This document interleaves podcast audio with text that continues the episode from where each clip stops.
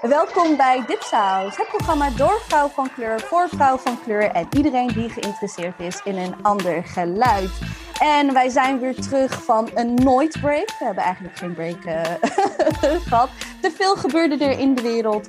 Te veel gebeurde er in Nederland. Um, jullie horen nu Mariam al-Maslahi, een derde van de Dipsaus podcast. En jullie luisteren nu naar een aflevering, een bonusaflevering. Um, en dat ga ik uiteraard niet alleen doen.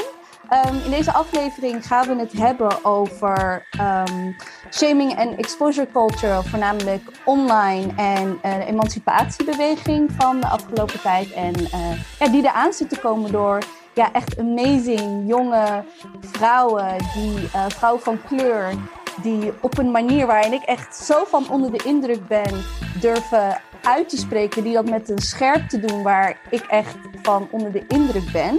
Um, dus ik ben ook heel blij dat ik um, ze in mijn virtuele studio heb. Wie ik vandaag in mijn virtuele studio heb is uh, Zuliga, Yusra Ouled Masoud en onze dipsauser, hè, honorary Arzu Aslan. Um, zou je jezelf aan onze luisteraars in het kort willen introduceren? Wie ben je? Zeker, dus ik ben Zuliga.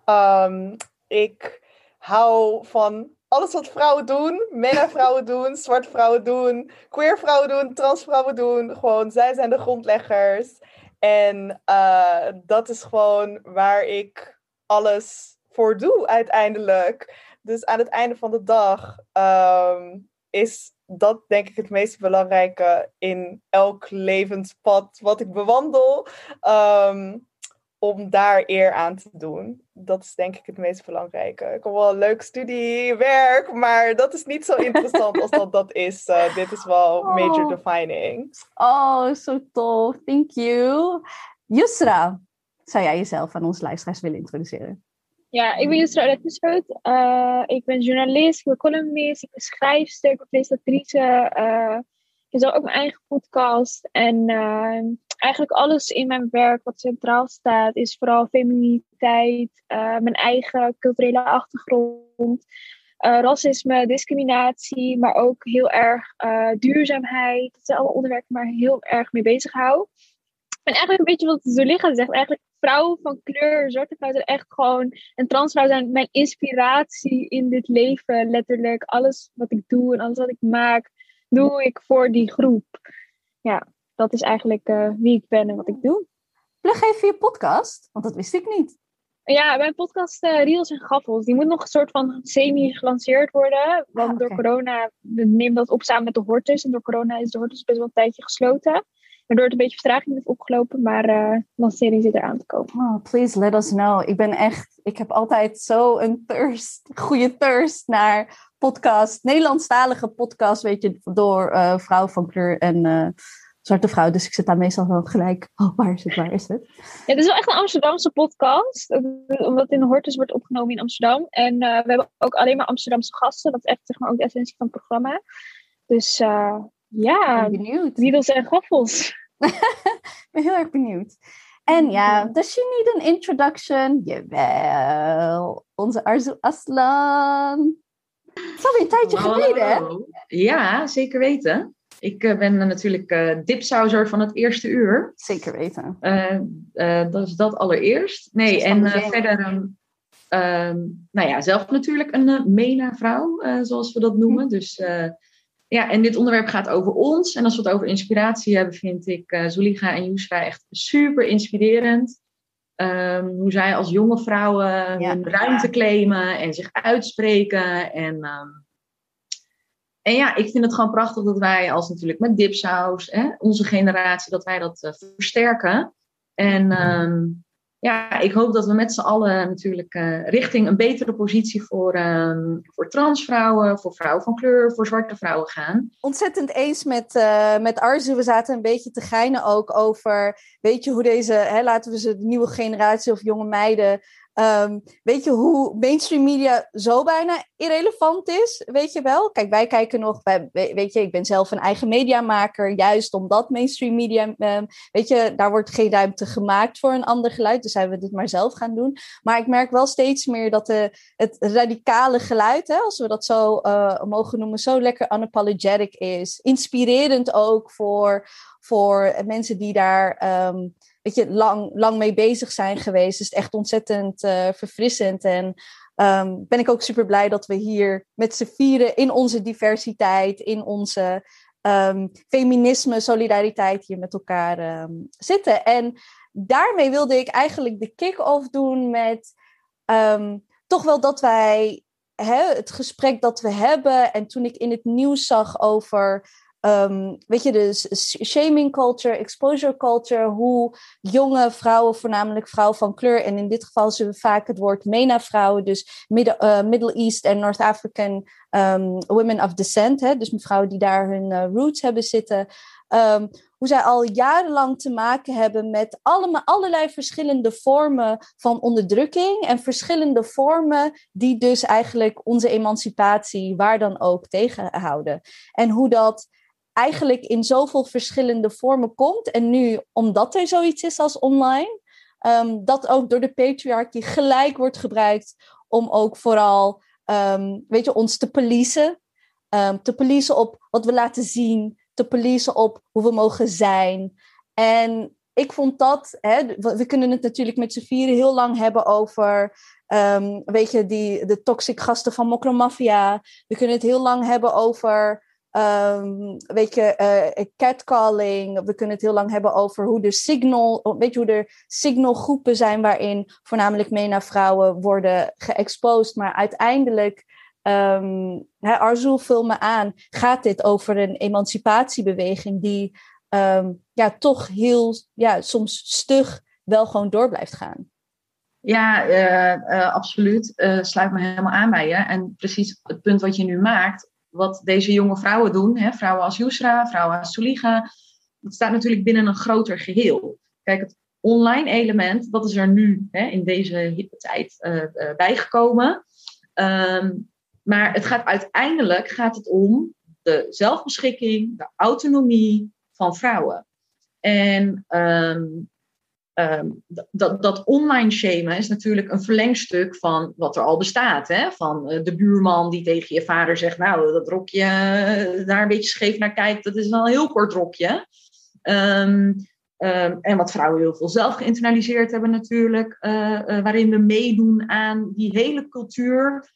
waarin onze zedelijkheid, hè, onze, onze, ons lichaam, continu wordt gebruikt als middel voor patriarchy. En um, dus daarom denk ik dat het belangrijk is, maar dat gaan we sowieso, volgens mij um, doen we dat allemaal ook. En um, gaat dat automatisch? Bestaat dat binnen een hele historie van vrouwenonderdrukking en de manieren waarop het gebeurt. En dit online, dat is er opnieuw bijgekomen, wat, wat je zegt, Marjan. Deze meiden hè, hebben dezelfde toegang tot dat online gebeuren. Want kijk, hè, uit topfuncties kunnen mannen ons dan nog wel weghouden. Maar online hebben we allemaal dezelfde toegang. En ineens zijn er allemaal jonge vrouwen die denken: oh, als ik leuk wil dansen op een leuk nieuw liedje. En als ik dan gewoon wil turken op beeld en dat wil delen met mijn vriendinnen, uh, net als ik doe in mijn huiskamer uh, of uh, op een feestje met, de meiden. En dan ineens merk je dus dat die mannen denken: hé, hey, wacht even, dit is publiek terrein, dit is ook van ons. Dus nu ga jij je even gedragen naar de regels die wij hebben bedacht. En die backlash daarop, dat, die is van alle tijden. Die, die backlash, die bijna cognitieve dissonantie die mannen krijgen van het zien van een vrouw die eigenlijk soms hele simpele dingen hè, uh, zelf doet, zelf bepaalt, krijg je al een beetje, um, uh, ja, toch een beetje, mag je dat zeggen, kortsluiting. Want, um, hè, want dit zijn absoluut geen uh, incidenten. Nee, het zijn zeker geen incidenten. Het is gewoon zo uh, elke keer dat er dan een soort discourse over ontstaat, waar dingen nu eindelijk in die online wereld wel worden aangekaart, doordat mensen, voornamelijk vrouwen, maar dan soms ook misschien mannen die zeggen, oh ja, maar dit kan niet, bro. Like, het is altijd zo incidenteel en zo op de man af en op één, ehm, eh, ja, op één persoon spelend. Alsof het inderdaad gewoon een incidentele gebeurtenis is. En dat is het gewoon niet. Het is inderdaad een onderdeel van het systeem, van het systeem van onderdrukking. Ehm, wat inderdaad weer doorvoert naar al die andere uh, manieren waarop patriarchy gewoon nog steeds controle over ons blijft uitoefenen. En dan zien mensen het als een onschuldig, oh ja, maar uh, we hebben gewoon het beste voor met onze community. Of uh, we proberen haar op het juiste pad te houden. En, en dan oh, ja. een soort van zo goed bedoeld. Of van ja, hij heeft gewoon een foutje gemaakt. Of hij had het niet zo moeten zeggen. Maar het komt allemaal vanuit hetzelfde ding. En dat is een systeem. En het is een patroon. En het is iets wat doelmatig in stand wordt gehouden. Want ja, ja zij hebben er natuurlijk het meeste profijt van.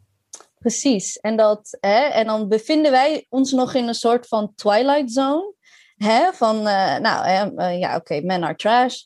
Um, maar dan, hè, dit is dat het, hè, wanneer mannen van kleur dit doen, en voornamelijk hè, MENA-mannen, dan it adds another dimension. Hè? Want wat jij zegt, Zuliga, deze mannen doen het toch hè, voor, um, om juist die meiden te beschermen. Of, hè, of, um, of wanneer man van kleur doet, zal die wel hele goede redenen hebben voor de gemeenschap.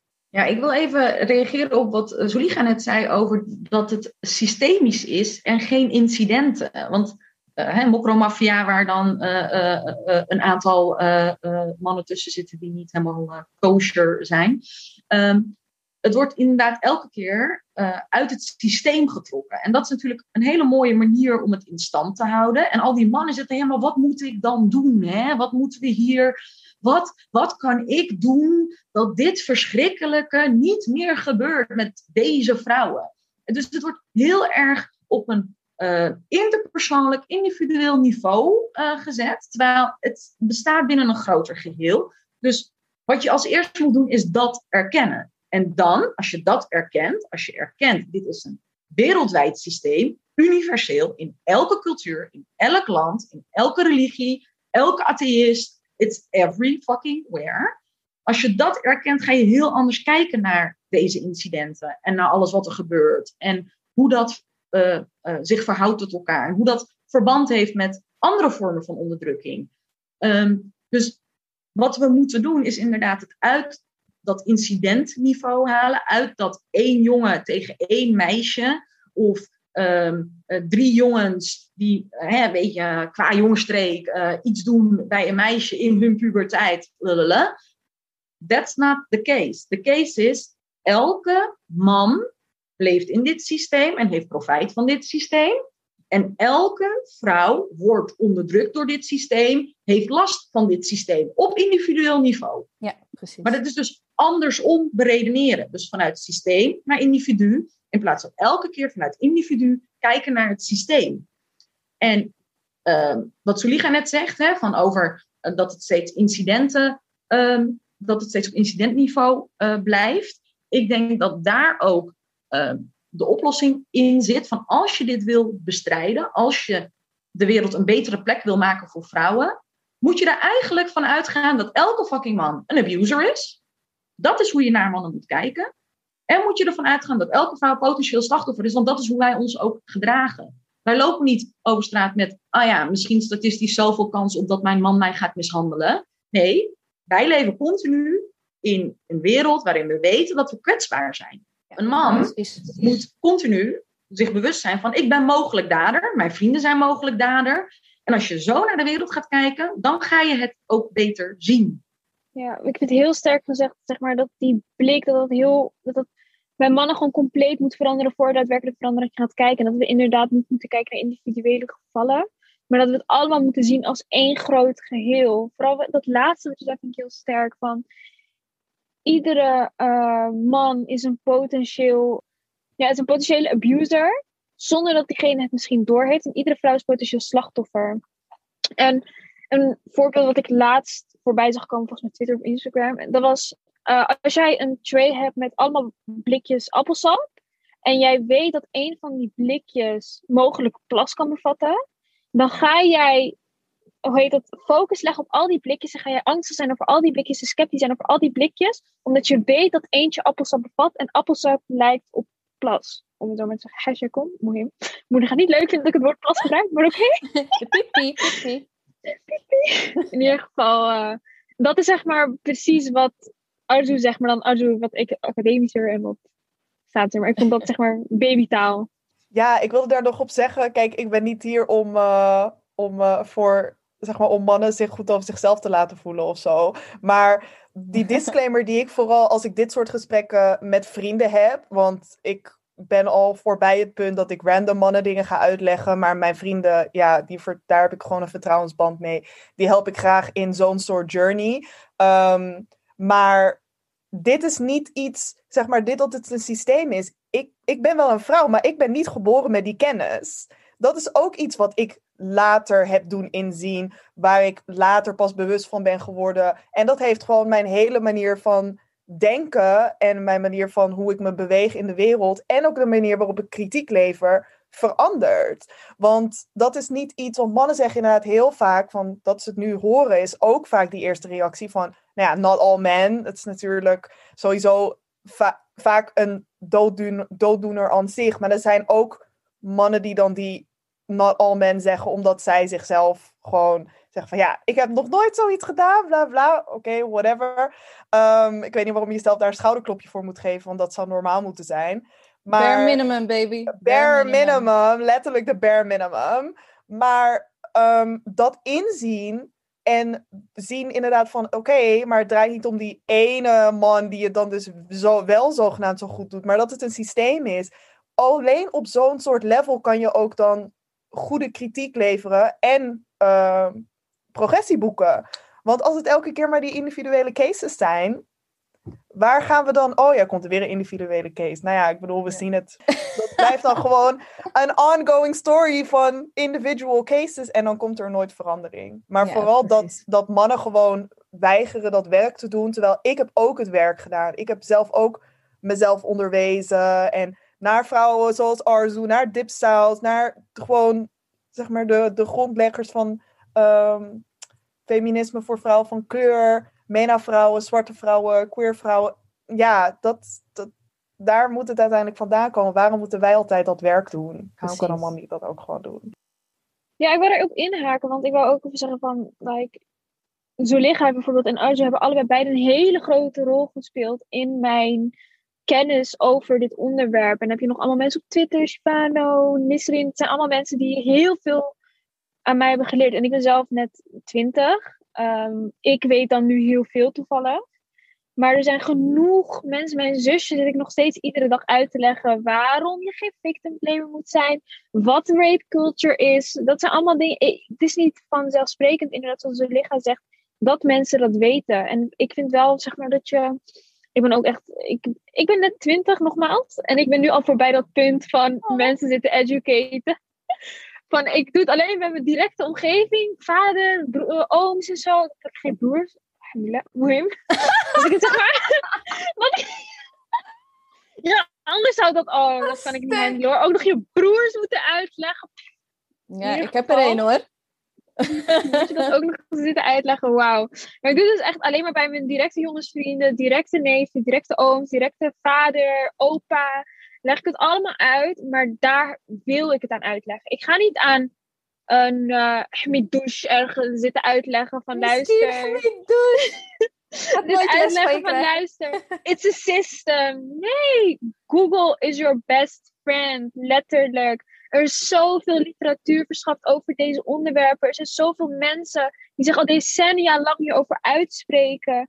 En als jij er op dit punt, zeg maar, in deze maatschappij ervoor kiest je niet daarover in te lezen, vind ik het echt een keuze. Vooral als jij ja, constant met deze denkbeelden geconfronteerd wordt vanuit vrouwen. Maar er zijn ook genoeg vrouwen die hier zich niet van bewust zijn. Wil ik ook gewoon zeggen. Er zijn genoeg vrouwen die. Internalisatie, hè? Ja, die gewoon zeggen van. Uh, ik had vandaag toevallig een stuk geschreven over uh, misogyny for glamour. En daarin had ik ook geschreven, zeg maar, dat er dus dat vrouwen er ook gewoon aan bijdragen.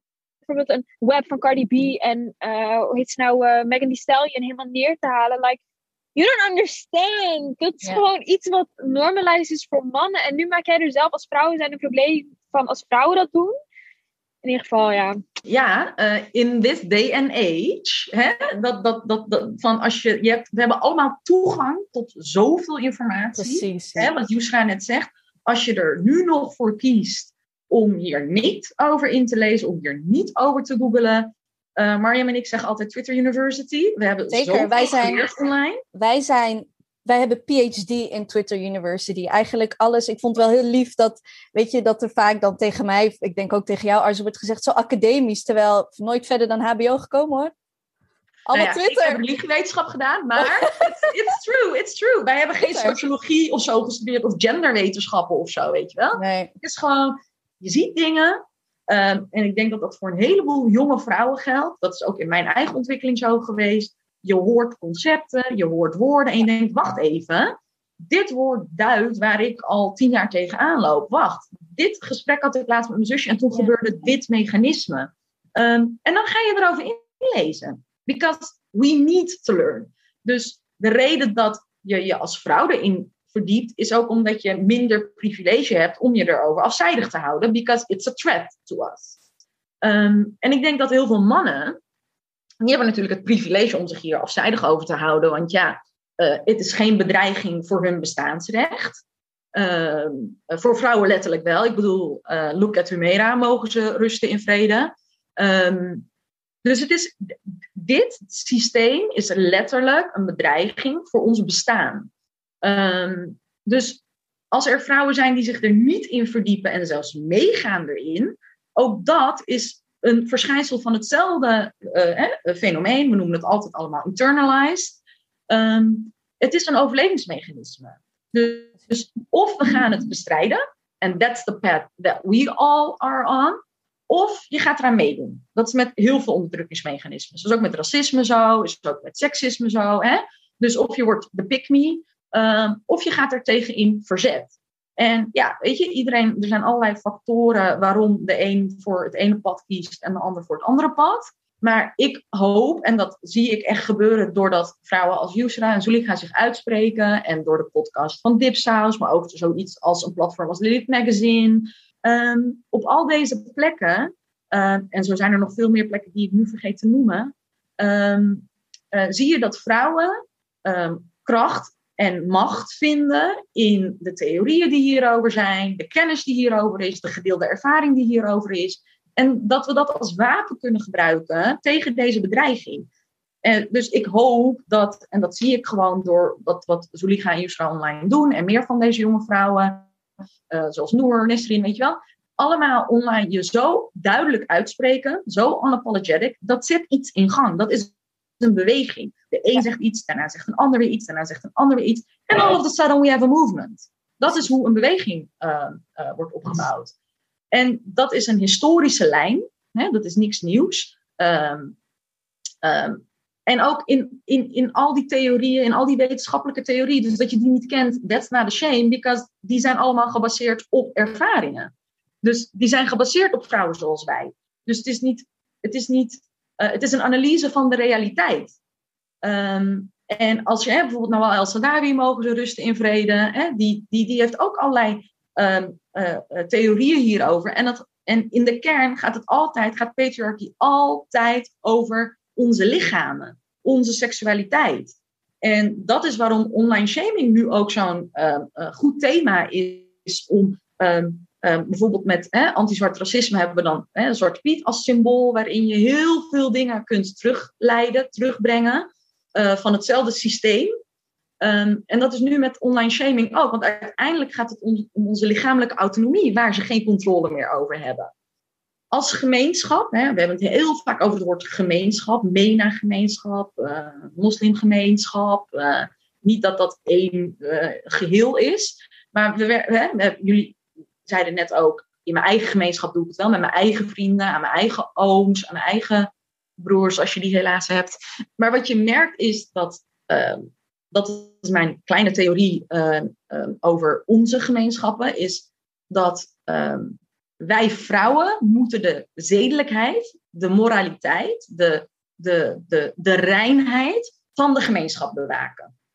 Die taak ligt op onze schouders. Dus wij moeten netjes zijn. Wij moeten ervoor zorgen dat we niet zwanger raken van een man waarvan we niet weten wie dan de vader is. Wij moeten ons maagdenvlies uh, uh, behouden. Wij moeten, um, uh, wij mogen niet met te veel mannen naar bed. het liefst één. Um, um, want wij zijn de moeders. Hè? Wij moeten onze kinderen weer op laten groeien. Dus als onze moraliteit, als onze onzedelijkheid mag, Um, ja, dan brengen we weer een hele gemeenschap voort. En nou, het, einde is de hel in allerlei orgies met allemaal mensen. En I don't know wat het toekomstbeeld is. Um, maar dat is de paniek die daar dan ontstaat bij die mannen. Zodra er dus een vrouw staat te turken ergens of een clip van wet ass pussy. Van oh no, um, de, de, de verantwoordelijkheid van de zedelijkheid van de gemeenschap bewaken. zij nemen die rol niet meer op zich. Dat betekent iets. En dat is waarom ze boos worden, is als wij die rol niet meer nemen, als wij niet meer ervoor zorgen dat er geen superorgies bestaan in de hele gemeenschap, blijkbaar is dat uh, uh, het eindbeeld, um, waar ik geen probleem mee heb. Um, maar dan, dan moeten zij iets. Dus als wij die rol niet meer nemen, als wij zeggen, nee hoor, ik ga niet de zedelijkheid van deze gemeenschap bewaken. Ik ga niet op me nemen. Ik ga me exact zo gedragen als jullie je al jaren gedragen. Als jullie al jaren mogen. Jullie mogen vier vrouwen, neem ik vier mannen. Weet je, als je die op dat niveau, dan, daarom raken ze boos, daarom raken ze in paniek. Want dat betekent wat voor hun. Want zij willen, zij hebben een bepaalde norm voor hoe de gemeenschap, um, hoe zedelijk de gemeenschap moet zijn. En 80% van die rol ligt op ons, 20% bij hun. Maar if we say, nee hoor, it's gonna be 50-50. Alles wat jij doet, doe ik ook. Alles wat ik doe, doe jij ook. Dat betekent iets voor hun. Dat heeft gevolgen voor hun. Want zij willen niet die onzedelijke gemeenschap. Ja, een beetje wat we zeiden hè, in het begin van um, de verantwoordelijkheid, niet incidenteel. Jij moet hier nu wat mee. Want ik denk dat dit ook wel een beetje te maken heeft met dat beeld van Orientalisme, wat er heel erg is van uh, MENA-cultuur. Dat heel erg die en de mannen die zitten dan. En dat mannen nu een beetje bang zijn dat dat weer gaat herbeleven, want islam civilized us of zo. If that makes sense. En dat islam is like de reddende engel. Wij, wij zouden als mannen, wat, wat islam helemaal niet zegt dat mannen, zeg maar, wat meer vrijheid hebben. Zeg maar, wat meer mogen, wat meer kunnen. En dat de vrouw dat helemaal niet mag. En helemaal niks mag. En helemaal niks kan. En dat is een beetje waar, wat jij net zegt, dat super orgies en alles. Dat het een beetje daaruit voorkomt, denk ik. Dat dat die grootste angst is om dat weer terug te krijgen. En dat weer terug te zien. Van die shisha-rokende mannen met allemaal buikdanseressen om hen heen ik weet niet, dat het deed me een beetje daaraan denken, is that makes sense. Kan ook ik heel verkeerd heb, want ik heb nog dat boek, ik heb een boek thuis over Orientalisme. Ja, doe maar, de groet aan Edward Said. Nee, maar ik vind wel dat je een goed punt maakt. Hè? Want um, wat als, als mensen hier goed naar aan het luisteren is, gebruiken we wet ass pussy als voorbeeld. Wat niet moslimvrouwen zijn. Maar de reactie daarop is dus blijkbaar paniek en, uh, te, um, en een reflex van: nee, nee, nee, dit wil ik niet, dit wil ik niet, dit wil ik niet zien. Precies. Ik wilde nog, zeg maar, daar iets over zeggen, omdat um, daar hadden we het uh, toen ik met, uh, of toen Noor, Nisrin en ik een, host, een room host op Clubhouse over dus patriarchy en misogyny en al die dingen. Hadden we het daar ook over. En we openden vooral de vloer voor MENA-vrouwen en zwarte vrouwen. Om hun verhaal te delen. En toen kwam het op een gegeven moment ook over dat punt. En uh, dat is iets waar ik in het begin heel erg mee struggelde toen ik gewoon überhaupt de concepten van feminisme leerde kennen. Um, is dat het heel vaak dus toch over uh, free the nipple en gewoon allemaal dat soort dingetjes die um, zoveel inderdaad toch met seks en naaktheid en dat soort dingen te maken hebben. Um, en dan kom je weer bij het punt van hoeveel van dat is dan weer uh, dat je het doet voor de male gaze. Dat het gewoon internalized male gaze is. Dus dat heb ik zelf altijd een beetje een lastige, um, een lastige balans gevonden. Want het is zo van. uh, hoe, dat is ook dan weer iets wat mannen ons hebben, la, hebben doen denken. Dat het zoiets van, ja, als je feminist bent, dan moet je ook uh, uh, sexually liberated zijn op de manier hoe mannen denken dat wij sexually liberated zouden moeten zijn. Dus dat betekent inderdaad gewoon duizenden bedpartners en met van alles en nog wat en halfnaakt over straat lopen en zo. Terwijl je kan pro-sekswerk zijn, sexually liberated zijn, zonder dat, nou ja, natuurlijk die iconic video van I'm a slut. Uh, how many men have you slept with? I'm a virgin. Yeah, oh, would you call yourself a slut? Weet je, van hoezo ben jij dan, uh, ben je dan een slut? Het zijn allemaal van die stickers die allemaal door patriarchy op al ons dingen gezet zijn. Want ik herken me bijvoorbeeld niet in, inderdaad, nou ook white, dat is ook white feminism natuurlijk, free the nipple. Um, waar ik sowieso natuurlijk niet meer herken. Maar dat is hetzelfde dus met, uh, met WAP, is dat ik daar op een gegeven moment ook kritiek over zag um, dan vanuit zwarte vrouwen. Dus ik ga niet hier voor hun praten, maar uh, wat dan ook wel weer mijn ogen deed openen. Want ik zag het en ik was gewoon, ah, weet je wel, fantastisch, deze clip. Like, weet je, have them shivering gewoon. Like, echt, dit is het beste gewoon wat ik ooit gezien heb. Like, ik was zo hyped.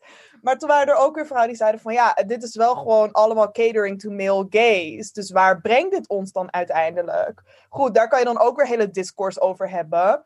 Maar nu heb ik dus ook gezien dat veel mannen die dus they don't give a shit about male gaze, they don't give a shit about feminism, maar zij gebruiken dus dat ook weer als een soort wapen om dan ons toch weer naar dat zedelijke en dergelijke toe te brengen. Dus nu is het ook weer, want dat, dat, dat stukje van male gaze, ik heb het idee dat in Nederland dat we nog niet eens bij die kritiek aangekomen zijn. We zijn nog totaal niet bij dat punt, want dat eerste stukje, iets als WAP is nog niet eens gebeurd. Dus zeg maar twee vrouwen die zo, uh, twee zwarte vrouwen die zo hun, sexual, um, hun sexuality. Ik wil nog de dag zien dat Top Notch en Noah's Ark gewoon een zwarte vrouw tekenen, ja? Even nu on the record, because it is. Ik wacht op de dag dat we gewoon een zwarte vrouw als mainstream influencer krijgen, ja. letterlijk. Toch? I mean, precies. I love Selma Omari, but girl, you ain't black yet. Where's our black queen? Where's our black queen in Nederland? Maar sorry, ga verder. Ik moest dat even... Nee, nee, nee, 100 procent. Ja. Dus dat merk ik ook. Dat soms die discourse van, um, uh, van Amerika ook dan weer een soort van overgenomen wordt. En helemaal weaponized wordt. Um, en hetzelfde dus bijvoorbeeld met cancel culture. Om dan weer on a tangent te gaan. Maar hetzelfde met cancel culture. Dat in Amerika is dan nu weer zo'n soort van beweging gaande van oké, maar cancelen is ook niet de, de, de, de, het, de ultieme redding. Um, en dat roepen ze hier, riepen ze ook gelijk bij Bilal van oké, maar dat, is, dat moet niet. Waarom zou hij gecanceld, bla bla. Maar wij zijn nog in Nederland, cancelen we nooit iemand. Dus we kunnen niet diezelfde discourse gaan overnemen. Want Amerika is hier al jaren. We kunnen zeggen over Amerika wat je wil, maar gewoon qua discourse hierover en UK ook. Daarom gebruiken we ook alleen maar Engelse woorden. Omdat we die Nederlandse discourse nog niet eens hebben om deze dingen te duiden. Um, dus dat merk ik ook heel erg. Want ik hou dus dat soort dingen altijd in mijn, als ik het heb over mijn feminisme en hoe ik in mijn feminisme sta um, voor mezelf, hou ik altijd die, um, uh, die persoonlijke meningen over uh, wat ik wat ik zie als seksualiteit en wat ik zie als vrij zijn en dergelijke. Dat hou ik gewoon voor me. Omdat anders dan wordt het gelijk weer. Uh, uh, dan cater je, want ik ben, ik ben zeg maar niet, niet zo. Like, ik, ik loop niet graag met, um, met, met, alles, uh, met alles uncovered en dergelijke. Maar dat is gewoon omdat ik mezelf daar niet prettig bij voel. Klaar, dat heeft niet zozeer met mannen te maken of whatever. Maar ik zeg dat niet en ik hou dat voor me. En ik claim dat niet als een van die dingen, omdat ik dan weet dat of mannen zeggen van, kijk, Zuliga is uh, feminist, maar tenminste kan zij zich wel zeden, zeg maar, modest kleden. Of dan is het weer zo van dat het van andere vrouwen is van, oké, maar je bent niet sexually liberated enough, dus je bent geen feminist. Nee, ik denk dat, en dat is ook, um, voordat ik um, naar Arzu ga, is dat ook wel een van de echt wel belangrijke onderwerpen die ik wil bespreken zo met jullie over, weet je, dat en waar we het eigenlijk over hebben, is het ook hoe het je gaat vormen. Hè? Dus al die keuzes die wij dan moeten maken van, oh, is this white feminism? Or is this what I really want? En is this the male gaze? Or is this what I...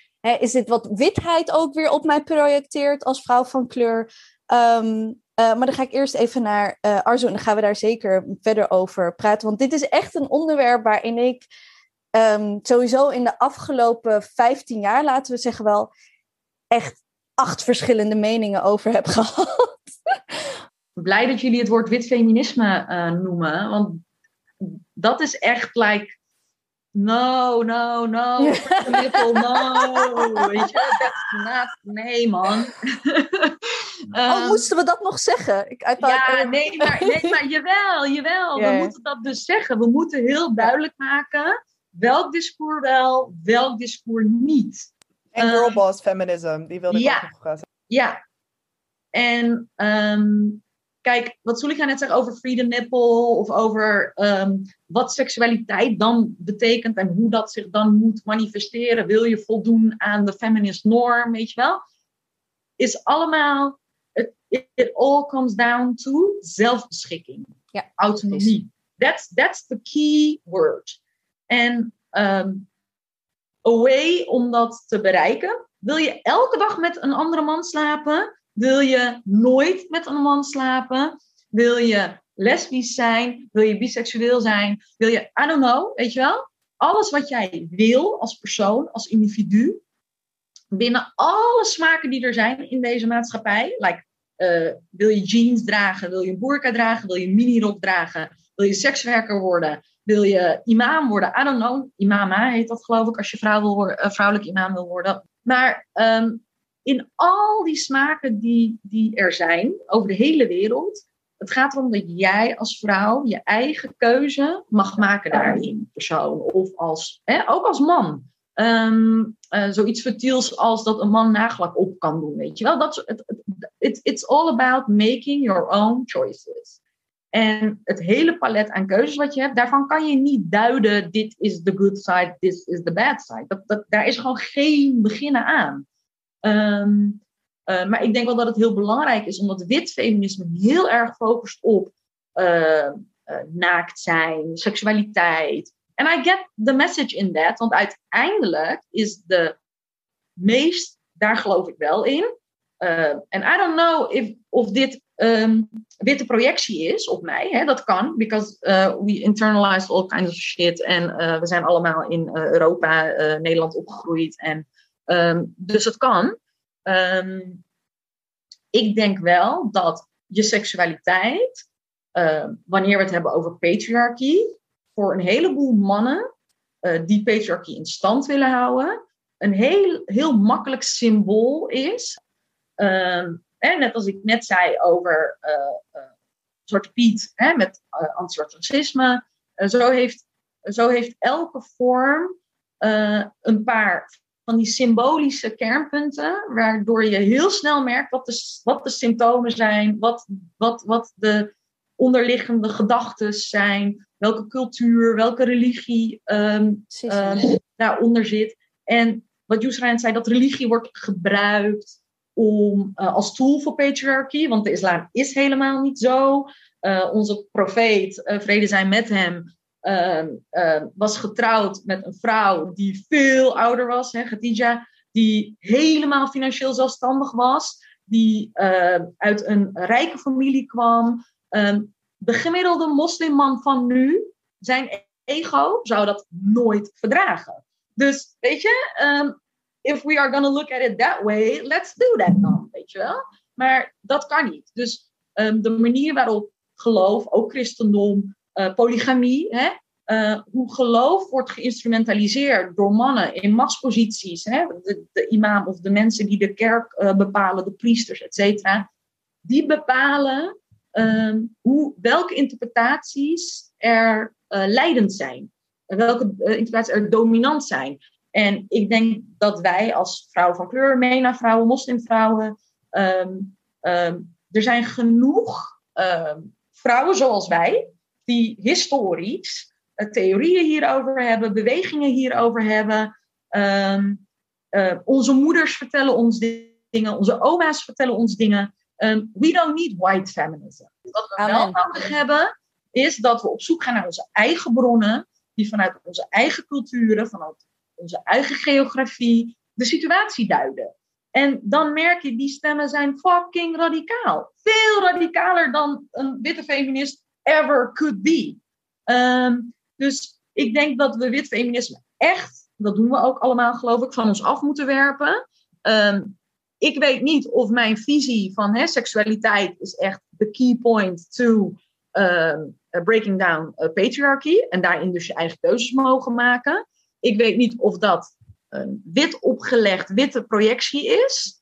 Maar ik zie wel uh, in onze gemeenschappen dat dat de biggest tool is that they have. Onze lichamen, onze autonomie, onze seksualiteit. Ja, ik zou daar ook wel echt finan financieel onafhankelijkheid, zou ik daar ook wel echt als een um, hele, hele close second of zelfs shared first um, uh, Absoluut. hebben. Het, fina Absoluut. het financi financiële, en daar hebben we het ook over gehad, en vaak genoeg over gehad, oh, hoe financiële onafhankelijkheid, um, hoe wij, wat wij kunnen doen met wat wij hebben, dat ook weer empowerend kan werken voor andere vrouwen van kleur en hun steunen in hun werk. Moet het muziek zijn, boeken, whatever. Wij merken dat al bij Dipsaus, hoe wij als onafhankelijk platform gewoon profijt hebben van hoe allerlei groepen mensen, uh, vrouwen van kleur, zwarte mensen of de queergemeenschap, hoe doordat zij financieel onaf onafhankelijk zijn, op een manier ons weer kunnen supporten om te doen wat wij willen doen en onze boodschap kunnen uh, delen.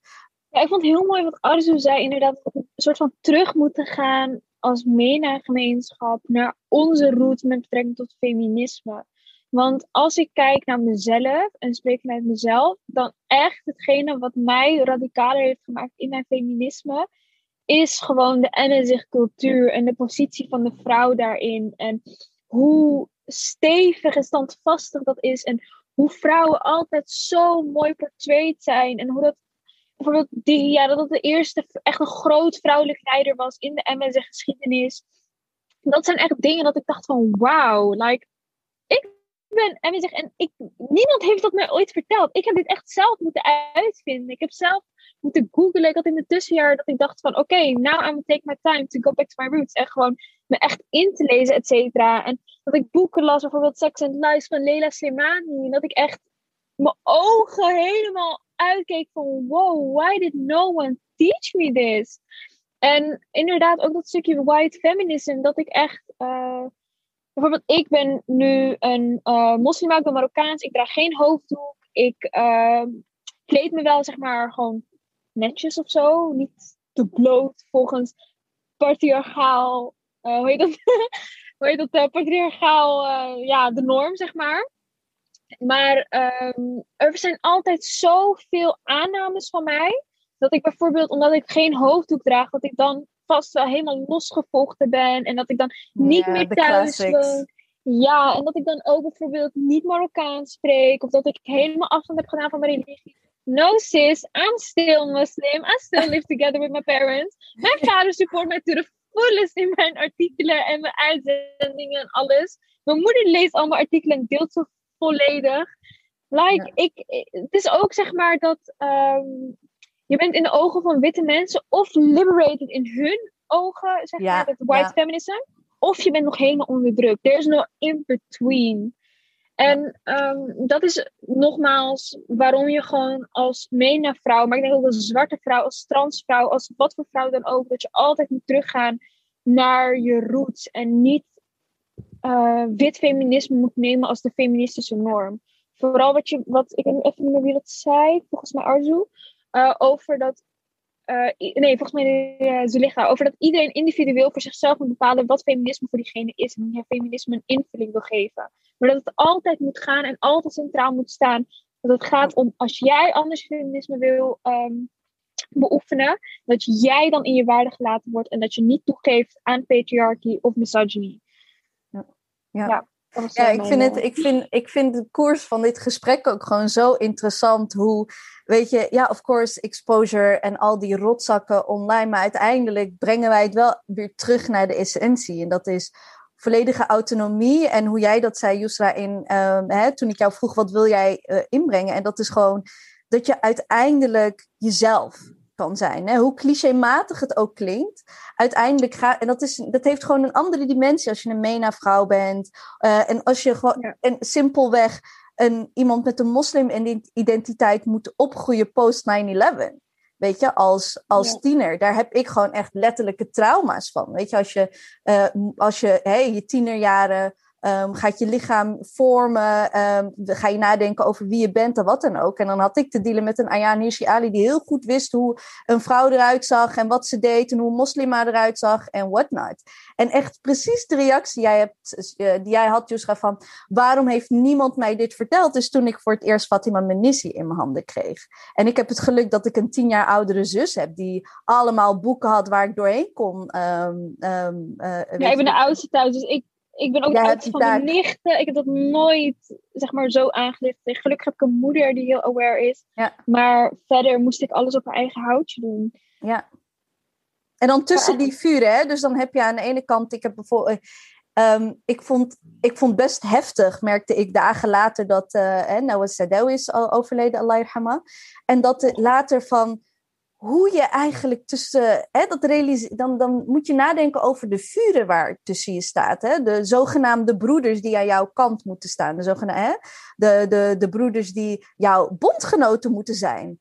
Um, om, omdat wij allebei racisme snappen. Maar dan heb je de witte vrouw die je bondgenoten moeten zijn, because we're both women and they don't, because they're loyal to whiteness.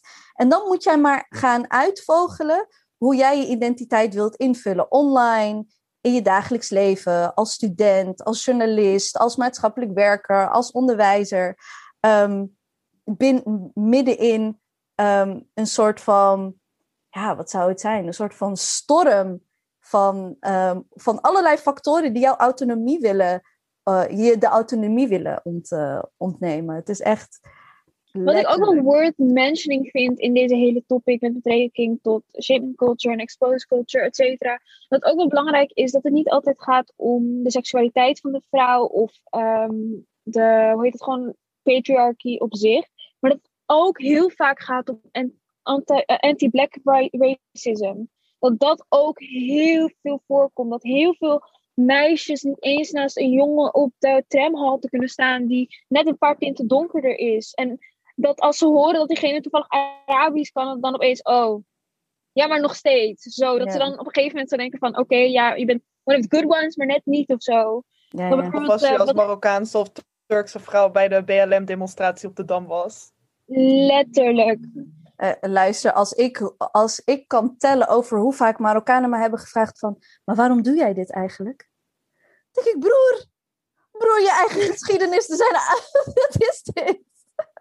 Letterlijk, dat is ook een probleem dat heel veel media mensen hun eigen geschiedenis niet kennen en hun eigen cultuur niet kennen met betrekking tot anti-black racism, maar ook met feminisme. Dat is denk ik de, het grootste probleem binnen MENA-gemeenschap is de onwetendheid over deze topics. En dat het allemaal, zeg maar, intergenerational trauma is. En dat het daardoor, zeg maar, constant uh, gereproduceerd wordt. En die uh, visieuze cirkel niet doorbroken is, omdat iedereen een bepaalde perceptie heeft van wat feminisme is en iedereen een bepaalde perceptie heeft van wat uh, racisme moet zijn of wat het is en hoe het mensen effect. Maar dat het zeg maar nog niet uh, doorbroken is door bijvoorbeeld eerdere generaties. Dat, Zoals wat Arzu nu zegt, dat nu een soort van kleinschalige beweging begint op te komen in Nederland, die gewoon letterlijk direct geconfronteerd wordt met culture door middel van adressen die gelekt worden, gedoxt worden, et cetera. Vroeger was het je buurman die dat soort dingen zei. Nu zijn er 30.000 anderen in een telegramgroep. Ja, verschrikkelijk. Oh, oma Arzu gaat even de knop zoeken hoor. Waar zit die mute dan? Ze heeft hem. Oma Arzu, ja. It's, it's really a thing. It's really a thing. Ik zag ineens die handjes en toen dacht ik, oh wacht, ik hoef niet echt ja. Hand op te steken. Ik kan gewoon zo'n handje planten. Ja, en die zie ik dan. En als ik hem zie, dan haal ik hem weer. Technology, baby. Weet je echt zo? Ik had het niet eens door. Jawel, dat had deze netje. Nee, um, we hadden het over dat seksualiteit natuurlijk een manier is. Maar uh, wat Marjam net ook uh, noemde, financiële onafhankelijkheid is ook zo ontzettend belangrijk. Um, ik denk dat um, hè, het, het, hele idee van de loonkloof, het hele idee van waarom uh, vroeger mannen wel toegang hadden tot allerlei studies, vrouwen niet. Uh, de hele reden waarom um, de, de, de top door mannen wordt beheerd en niet door vrouwen. Uh, in een kapitalistische wereld is dat hun tool naar ons toe. Dus ehm, hè, jullie doen allebei studies waarbij je hopelijk een financieel onafhankelijke toekomst gaat hebben. En dat is echt super belangrijk. Ehm, je eerste man is je diploma. That's really the truth. Ehm, want pas vanaf dan kan je echt emanciperen. Want dan ben je echt onafhankelijk. En dat klinkt heel cliché. Op het moment dat jij je eigen ruimte hebt, uh, je eigen financiële middelen hebt, ehm, dan heb je daarin veel meer de vrijheid om je eigen keuzes te maken. En ja, onder het dak van je ouders heb je je gewoon te houden aan de regels van je ouders. En ja, je hebt gewoon geluk als die uh, enigszins uh, progressief zijn of enigszins je bepaalde vrijheden gunnen. maar toen ik thuis woonde, moest ik ook gewoon een bepaald tijdstip moest ik thuis zijn.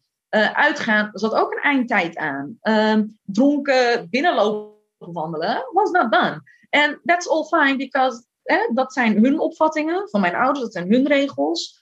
Ehm, en zolang je minderjarig bent en zolang je onder hun dak woont, hou je je daar gewoon aan. Um, dus ik denk dat het heel belangrijk is dat vrouwen studeren. Ik denk dat het heel belangrijk is dat vrouwen uh, gaan werken, uh, financieel onafhankelijk zijn, uh, vermogen opbouwen. Hè, we hebben het ook met Anousha over gehad, over de eerste keer dat zij haar eigen huis kocht. Hè, dat, soort, dat zijn allemaal ehm, stappen in um, binnen een kapitalistisch systeem dichter bij de positie van een man komen. And I'm not saying that's the liberation point. Maar dan hebben we wel meer een level playing field waarop we die strijd aan kunnen gaan met ze. Ik wilde alleen zeggen, gewoon als ik het woord kapitalisme hoor, moet ik gewoon altijd even wat zeggen, toch? Zeker, um, sowieso, sowieso. Maar gewoon, dat is ook inderdaad zo'n punt waarin zo vaak aan voorbij wordt gegaan. Dat gewoon, ja, eigenlijk, je kan niet feminisme, feminisme kan niet zonder, je kan niet feministisch zijn zonder anticapitalistisch te zijn.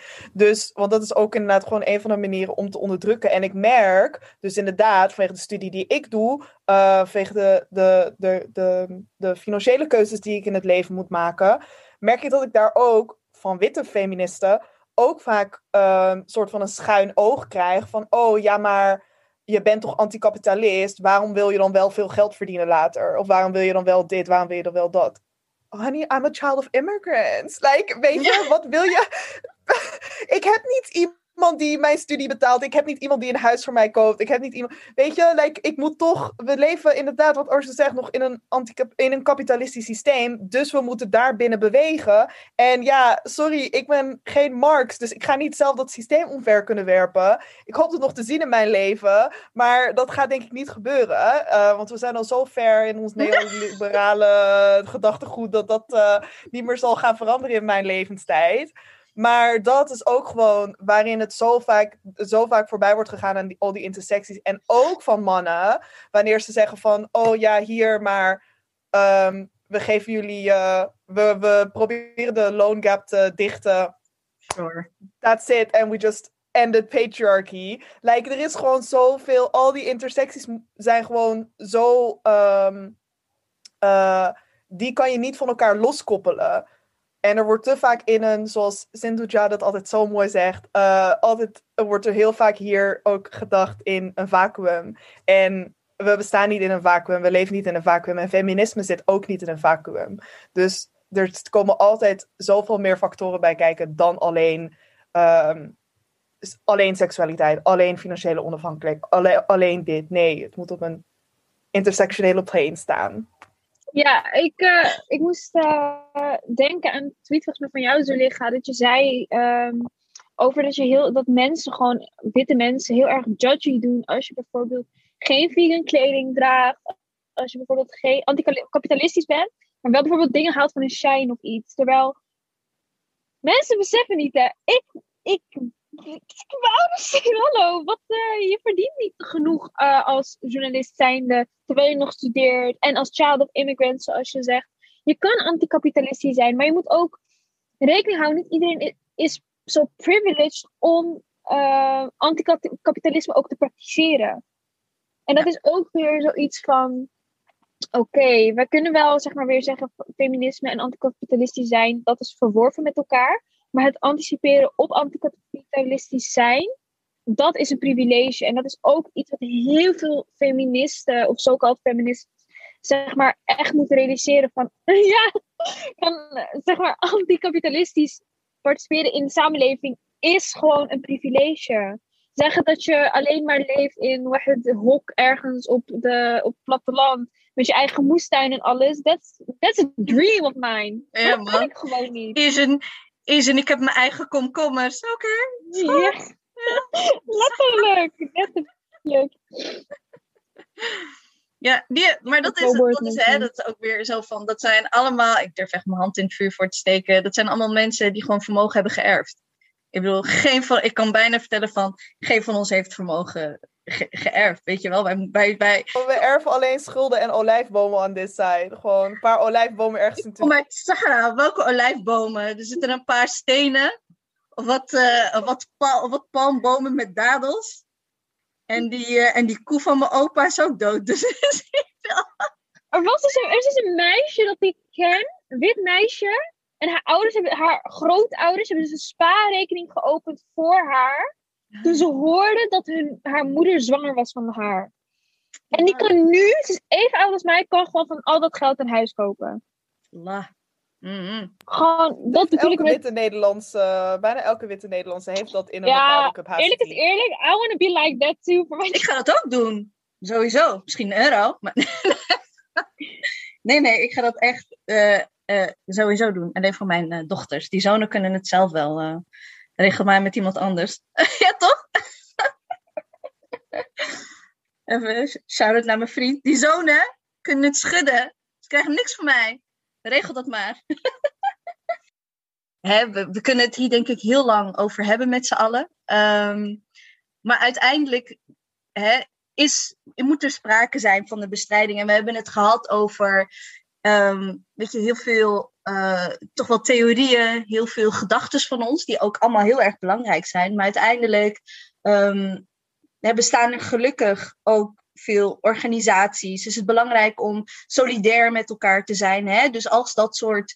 Um, ik ken, ik ken Zuliga bijvoorbeeld, omdat jij werd aangevallen op Twitter. En dan hoef ik eigenlijk niet zo zeer te weten wie je bent, wat je doet, maar gewoon, uh, gewoon retweeten. Ik wist echt, ik zat toen een beetje in een bubbel qua.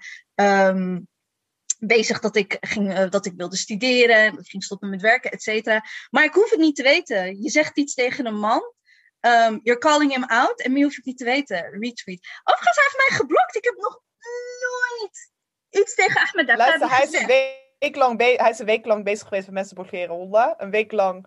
Ik kreeg een week welkom in onze Twitter-bubbel. Letterlijk. Gewoon nog. Deze man, rent-free. Rent-free in zijn hoofd wonen wij. Rent-free. Dus ik dacht, ik ging dus een paar bekende Marokkaanse Nederlanders opzoeken. En toen bedacht ik, Waarom heeft Farid Azarkan mij geblokt? Wat zijn al deze Nederlandse Marokkaanse mannen die, die denken van, weet je wat, gewoon voorzorg. Ik ga gewoon haar afwas blokkeren. Niet Broer, niet jou. Volgens mij zo wat andere. Wat zeg je, Jussa? Ja, ik is Farid die interact kapot met mij in mijn tweets. Like dit, retweet en alles luister, ik ging en dan, en dan kom je in een soort van Twitterhol. Hè? Jullie kennen dat wel van, oh, wie is die gast en wie is die gast. En nog zo'n andere gast van Denken, die ik oprecht nog nooit in mijn leven heb gezien of gehoord, ook mij geblokkeerd. Hè? Dus het zijn, ik was echt een beetje in shock dat ik dacht zo van, oh, oké, nou, well, I think, zonder enige moeite, just gewoon omdat ik adem, um, is dat dus super eng. Um, maar goed, hè, dus die solidariteit naar elkaar toe. Eh, hè, en veel gebeurt online. Dus vind ik het ook belangrijk om online solidair uh, um, naar jullie te zijn, vice versa. Um, en dit is een algemeen vrouwenprobleem. Wat we, wat, we, wat we moeten bestrijden. Een maatschappelijk probleem. Dat gewoon in Nederland in allerlei verschillende vormen ook. Um, weet je, zich manifesteert. Dan hebben we het nog niet eens gehad. En dat is een punt um, hè, die ik van, uh, uh, van Arzo over hè, politie alleen al. Hoe zij ermee omgaan. Hoe slecht dat gaat. Um, dus ik wilde daar een beetje mee, mee afsluiten van on the ground. Weet je, back to the, to the, to the ground hier in Nederland, Arzo. Ik wilde toevallig, it's like the energy flows. Ja, ik wilde heel erg uh, graag vragen aan Zulika en Yusra En vooral aan Zulika, want dat is wanneer ik weer in dit onderwerp uh, dook. Terwijl, ik bedoel, we zijn er al de hele tijd mee bezig. Maar voordat die hele rel met uh, Bilal begon, uh, was Zulika al hiermee bezig online. Uh, namelijk tegen Ahmed Akari zeggen: hey, broeder, er zitten Bro. mensen in jouw buurt die, ehm, die abusive zijn, die dingen doen die niet oké okay zijn, die predator bezig zijn, die hè, allemaal dat soort mechanismes. En dan uiteindelijk gaat het mis. Dan hebben allemaal vrouwen, zoals je gezegd: hey, hold up, dit gaat niet helemaal goed. En dan is het, ja, maar jij. En die backlash, die vind ik dus best wel eng. En gelukkig heeft de bubbel van Zulika, Yusra, Sin, weet je, jullie hebben allemaal een bubbel waarvan ik zie op Twitter en volgens mij ook op Clubhouse en op Instagram, I don't know waar uh, jullie allemaal zitten. Uh, the youth.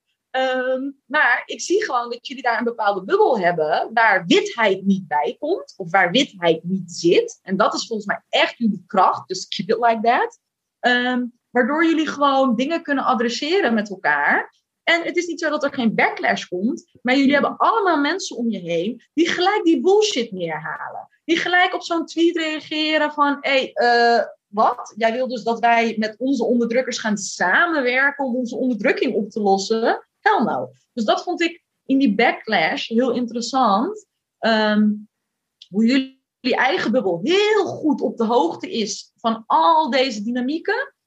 Het echt tot in fucking detail snapt. Gelijk weet, dit ene woord wat hier staat, klopt niet. Staat symbool voor iets veel groters.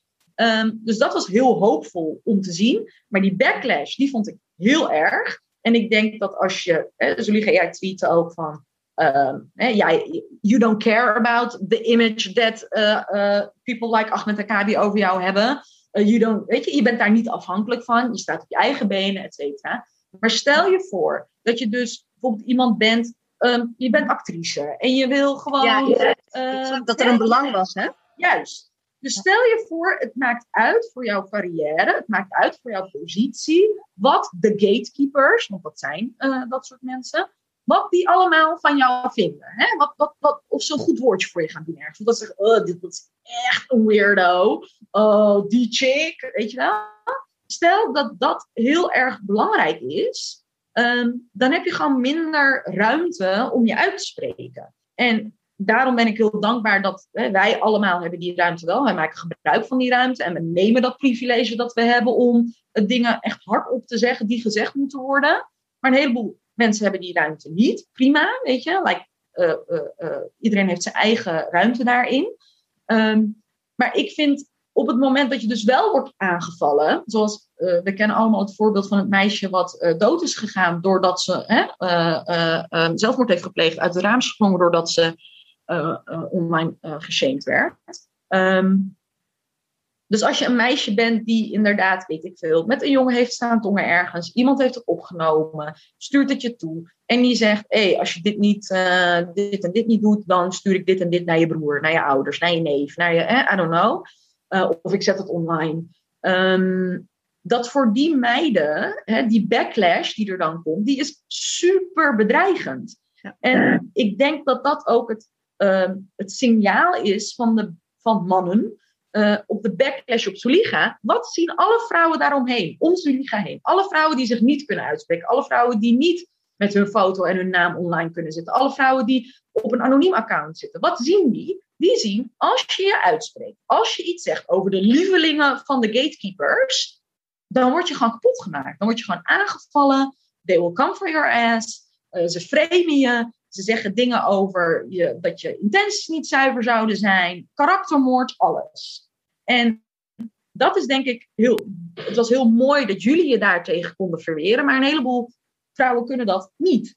En dan gaan we denk ik naar um, waar we het net over hadden, over solidariteit, uh, maar ook over belangenorganisaties, over de langere traditie van dit probleem.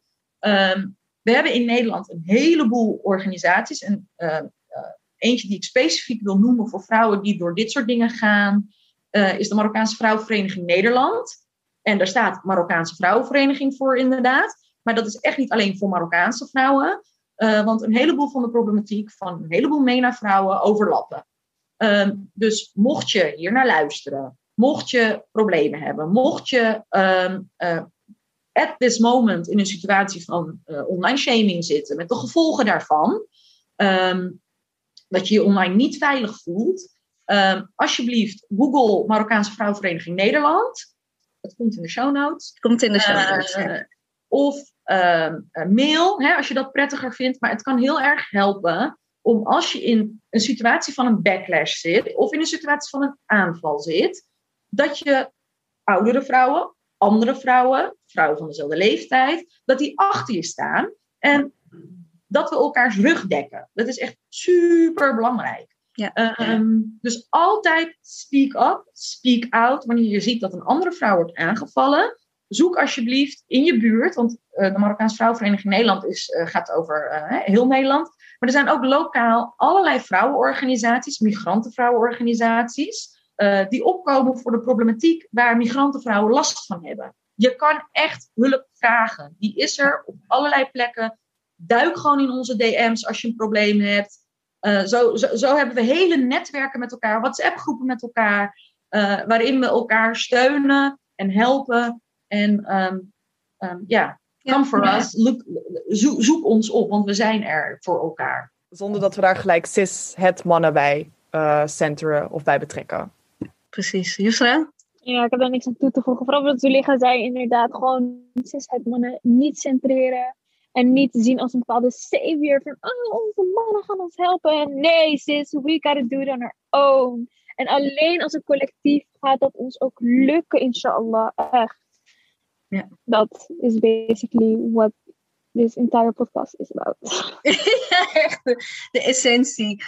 Ik wil jullie echt ontzettend bedanken voor, uh, voor jullie tijd, voor jullie inzichten, voor jullie moed. Hè? Want het, uiteindelijk, hè, het vergt ook heel veel moed om dit te doen.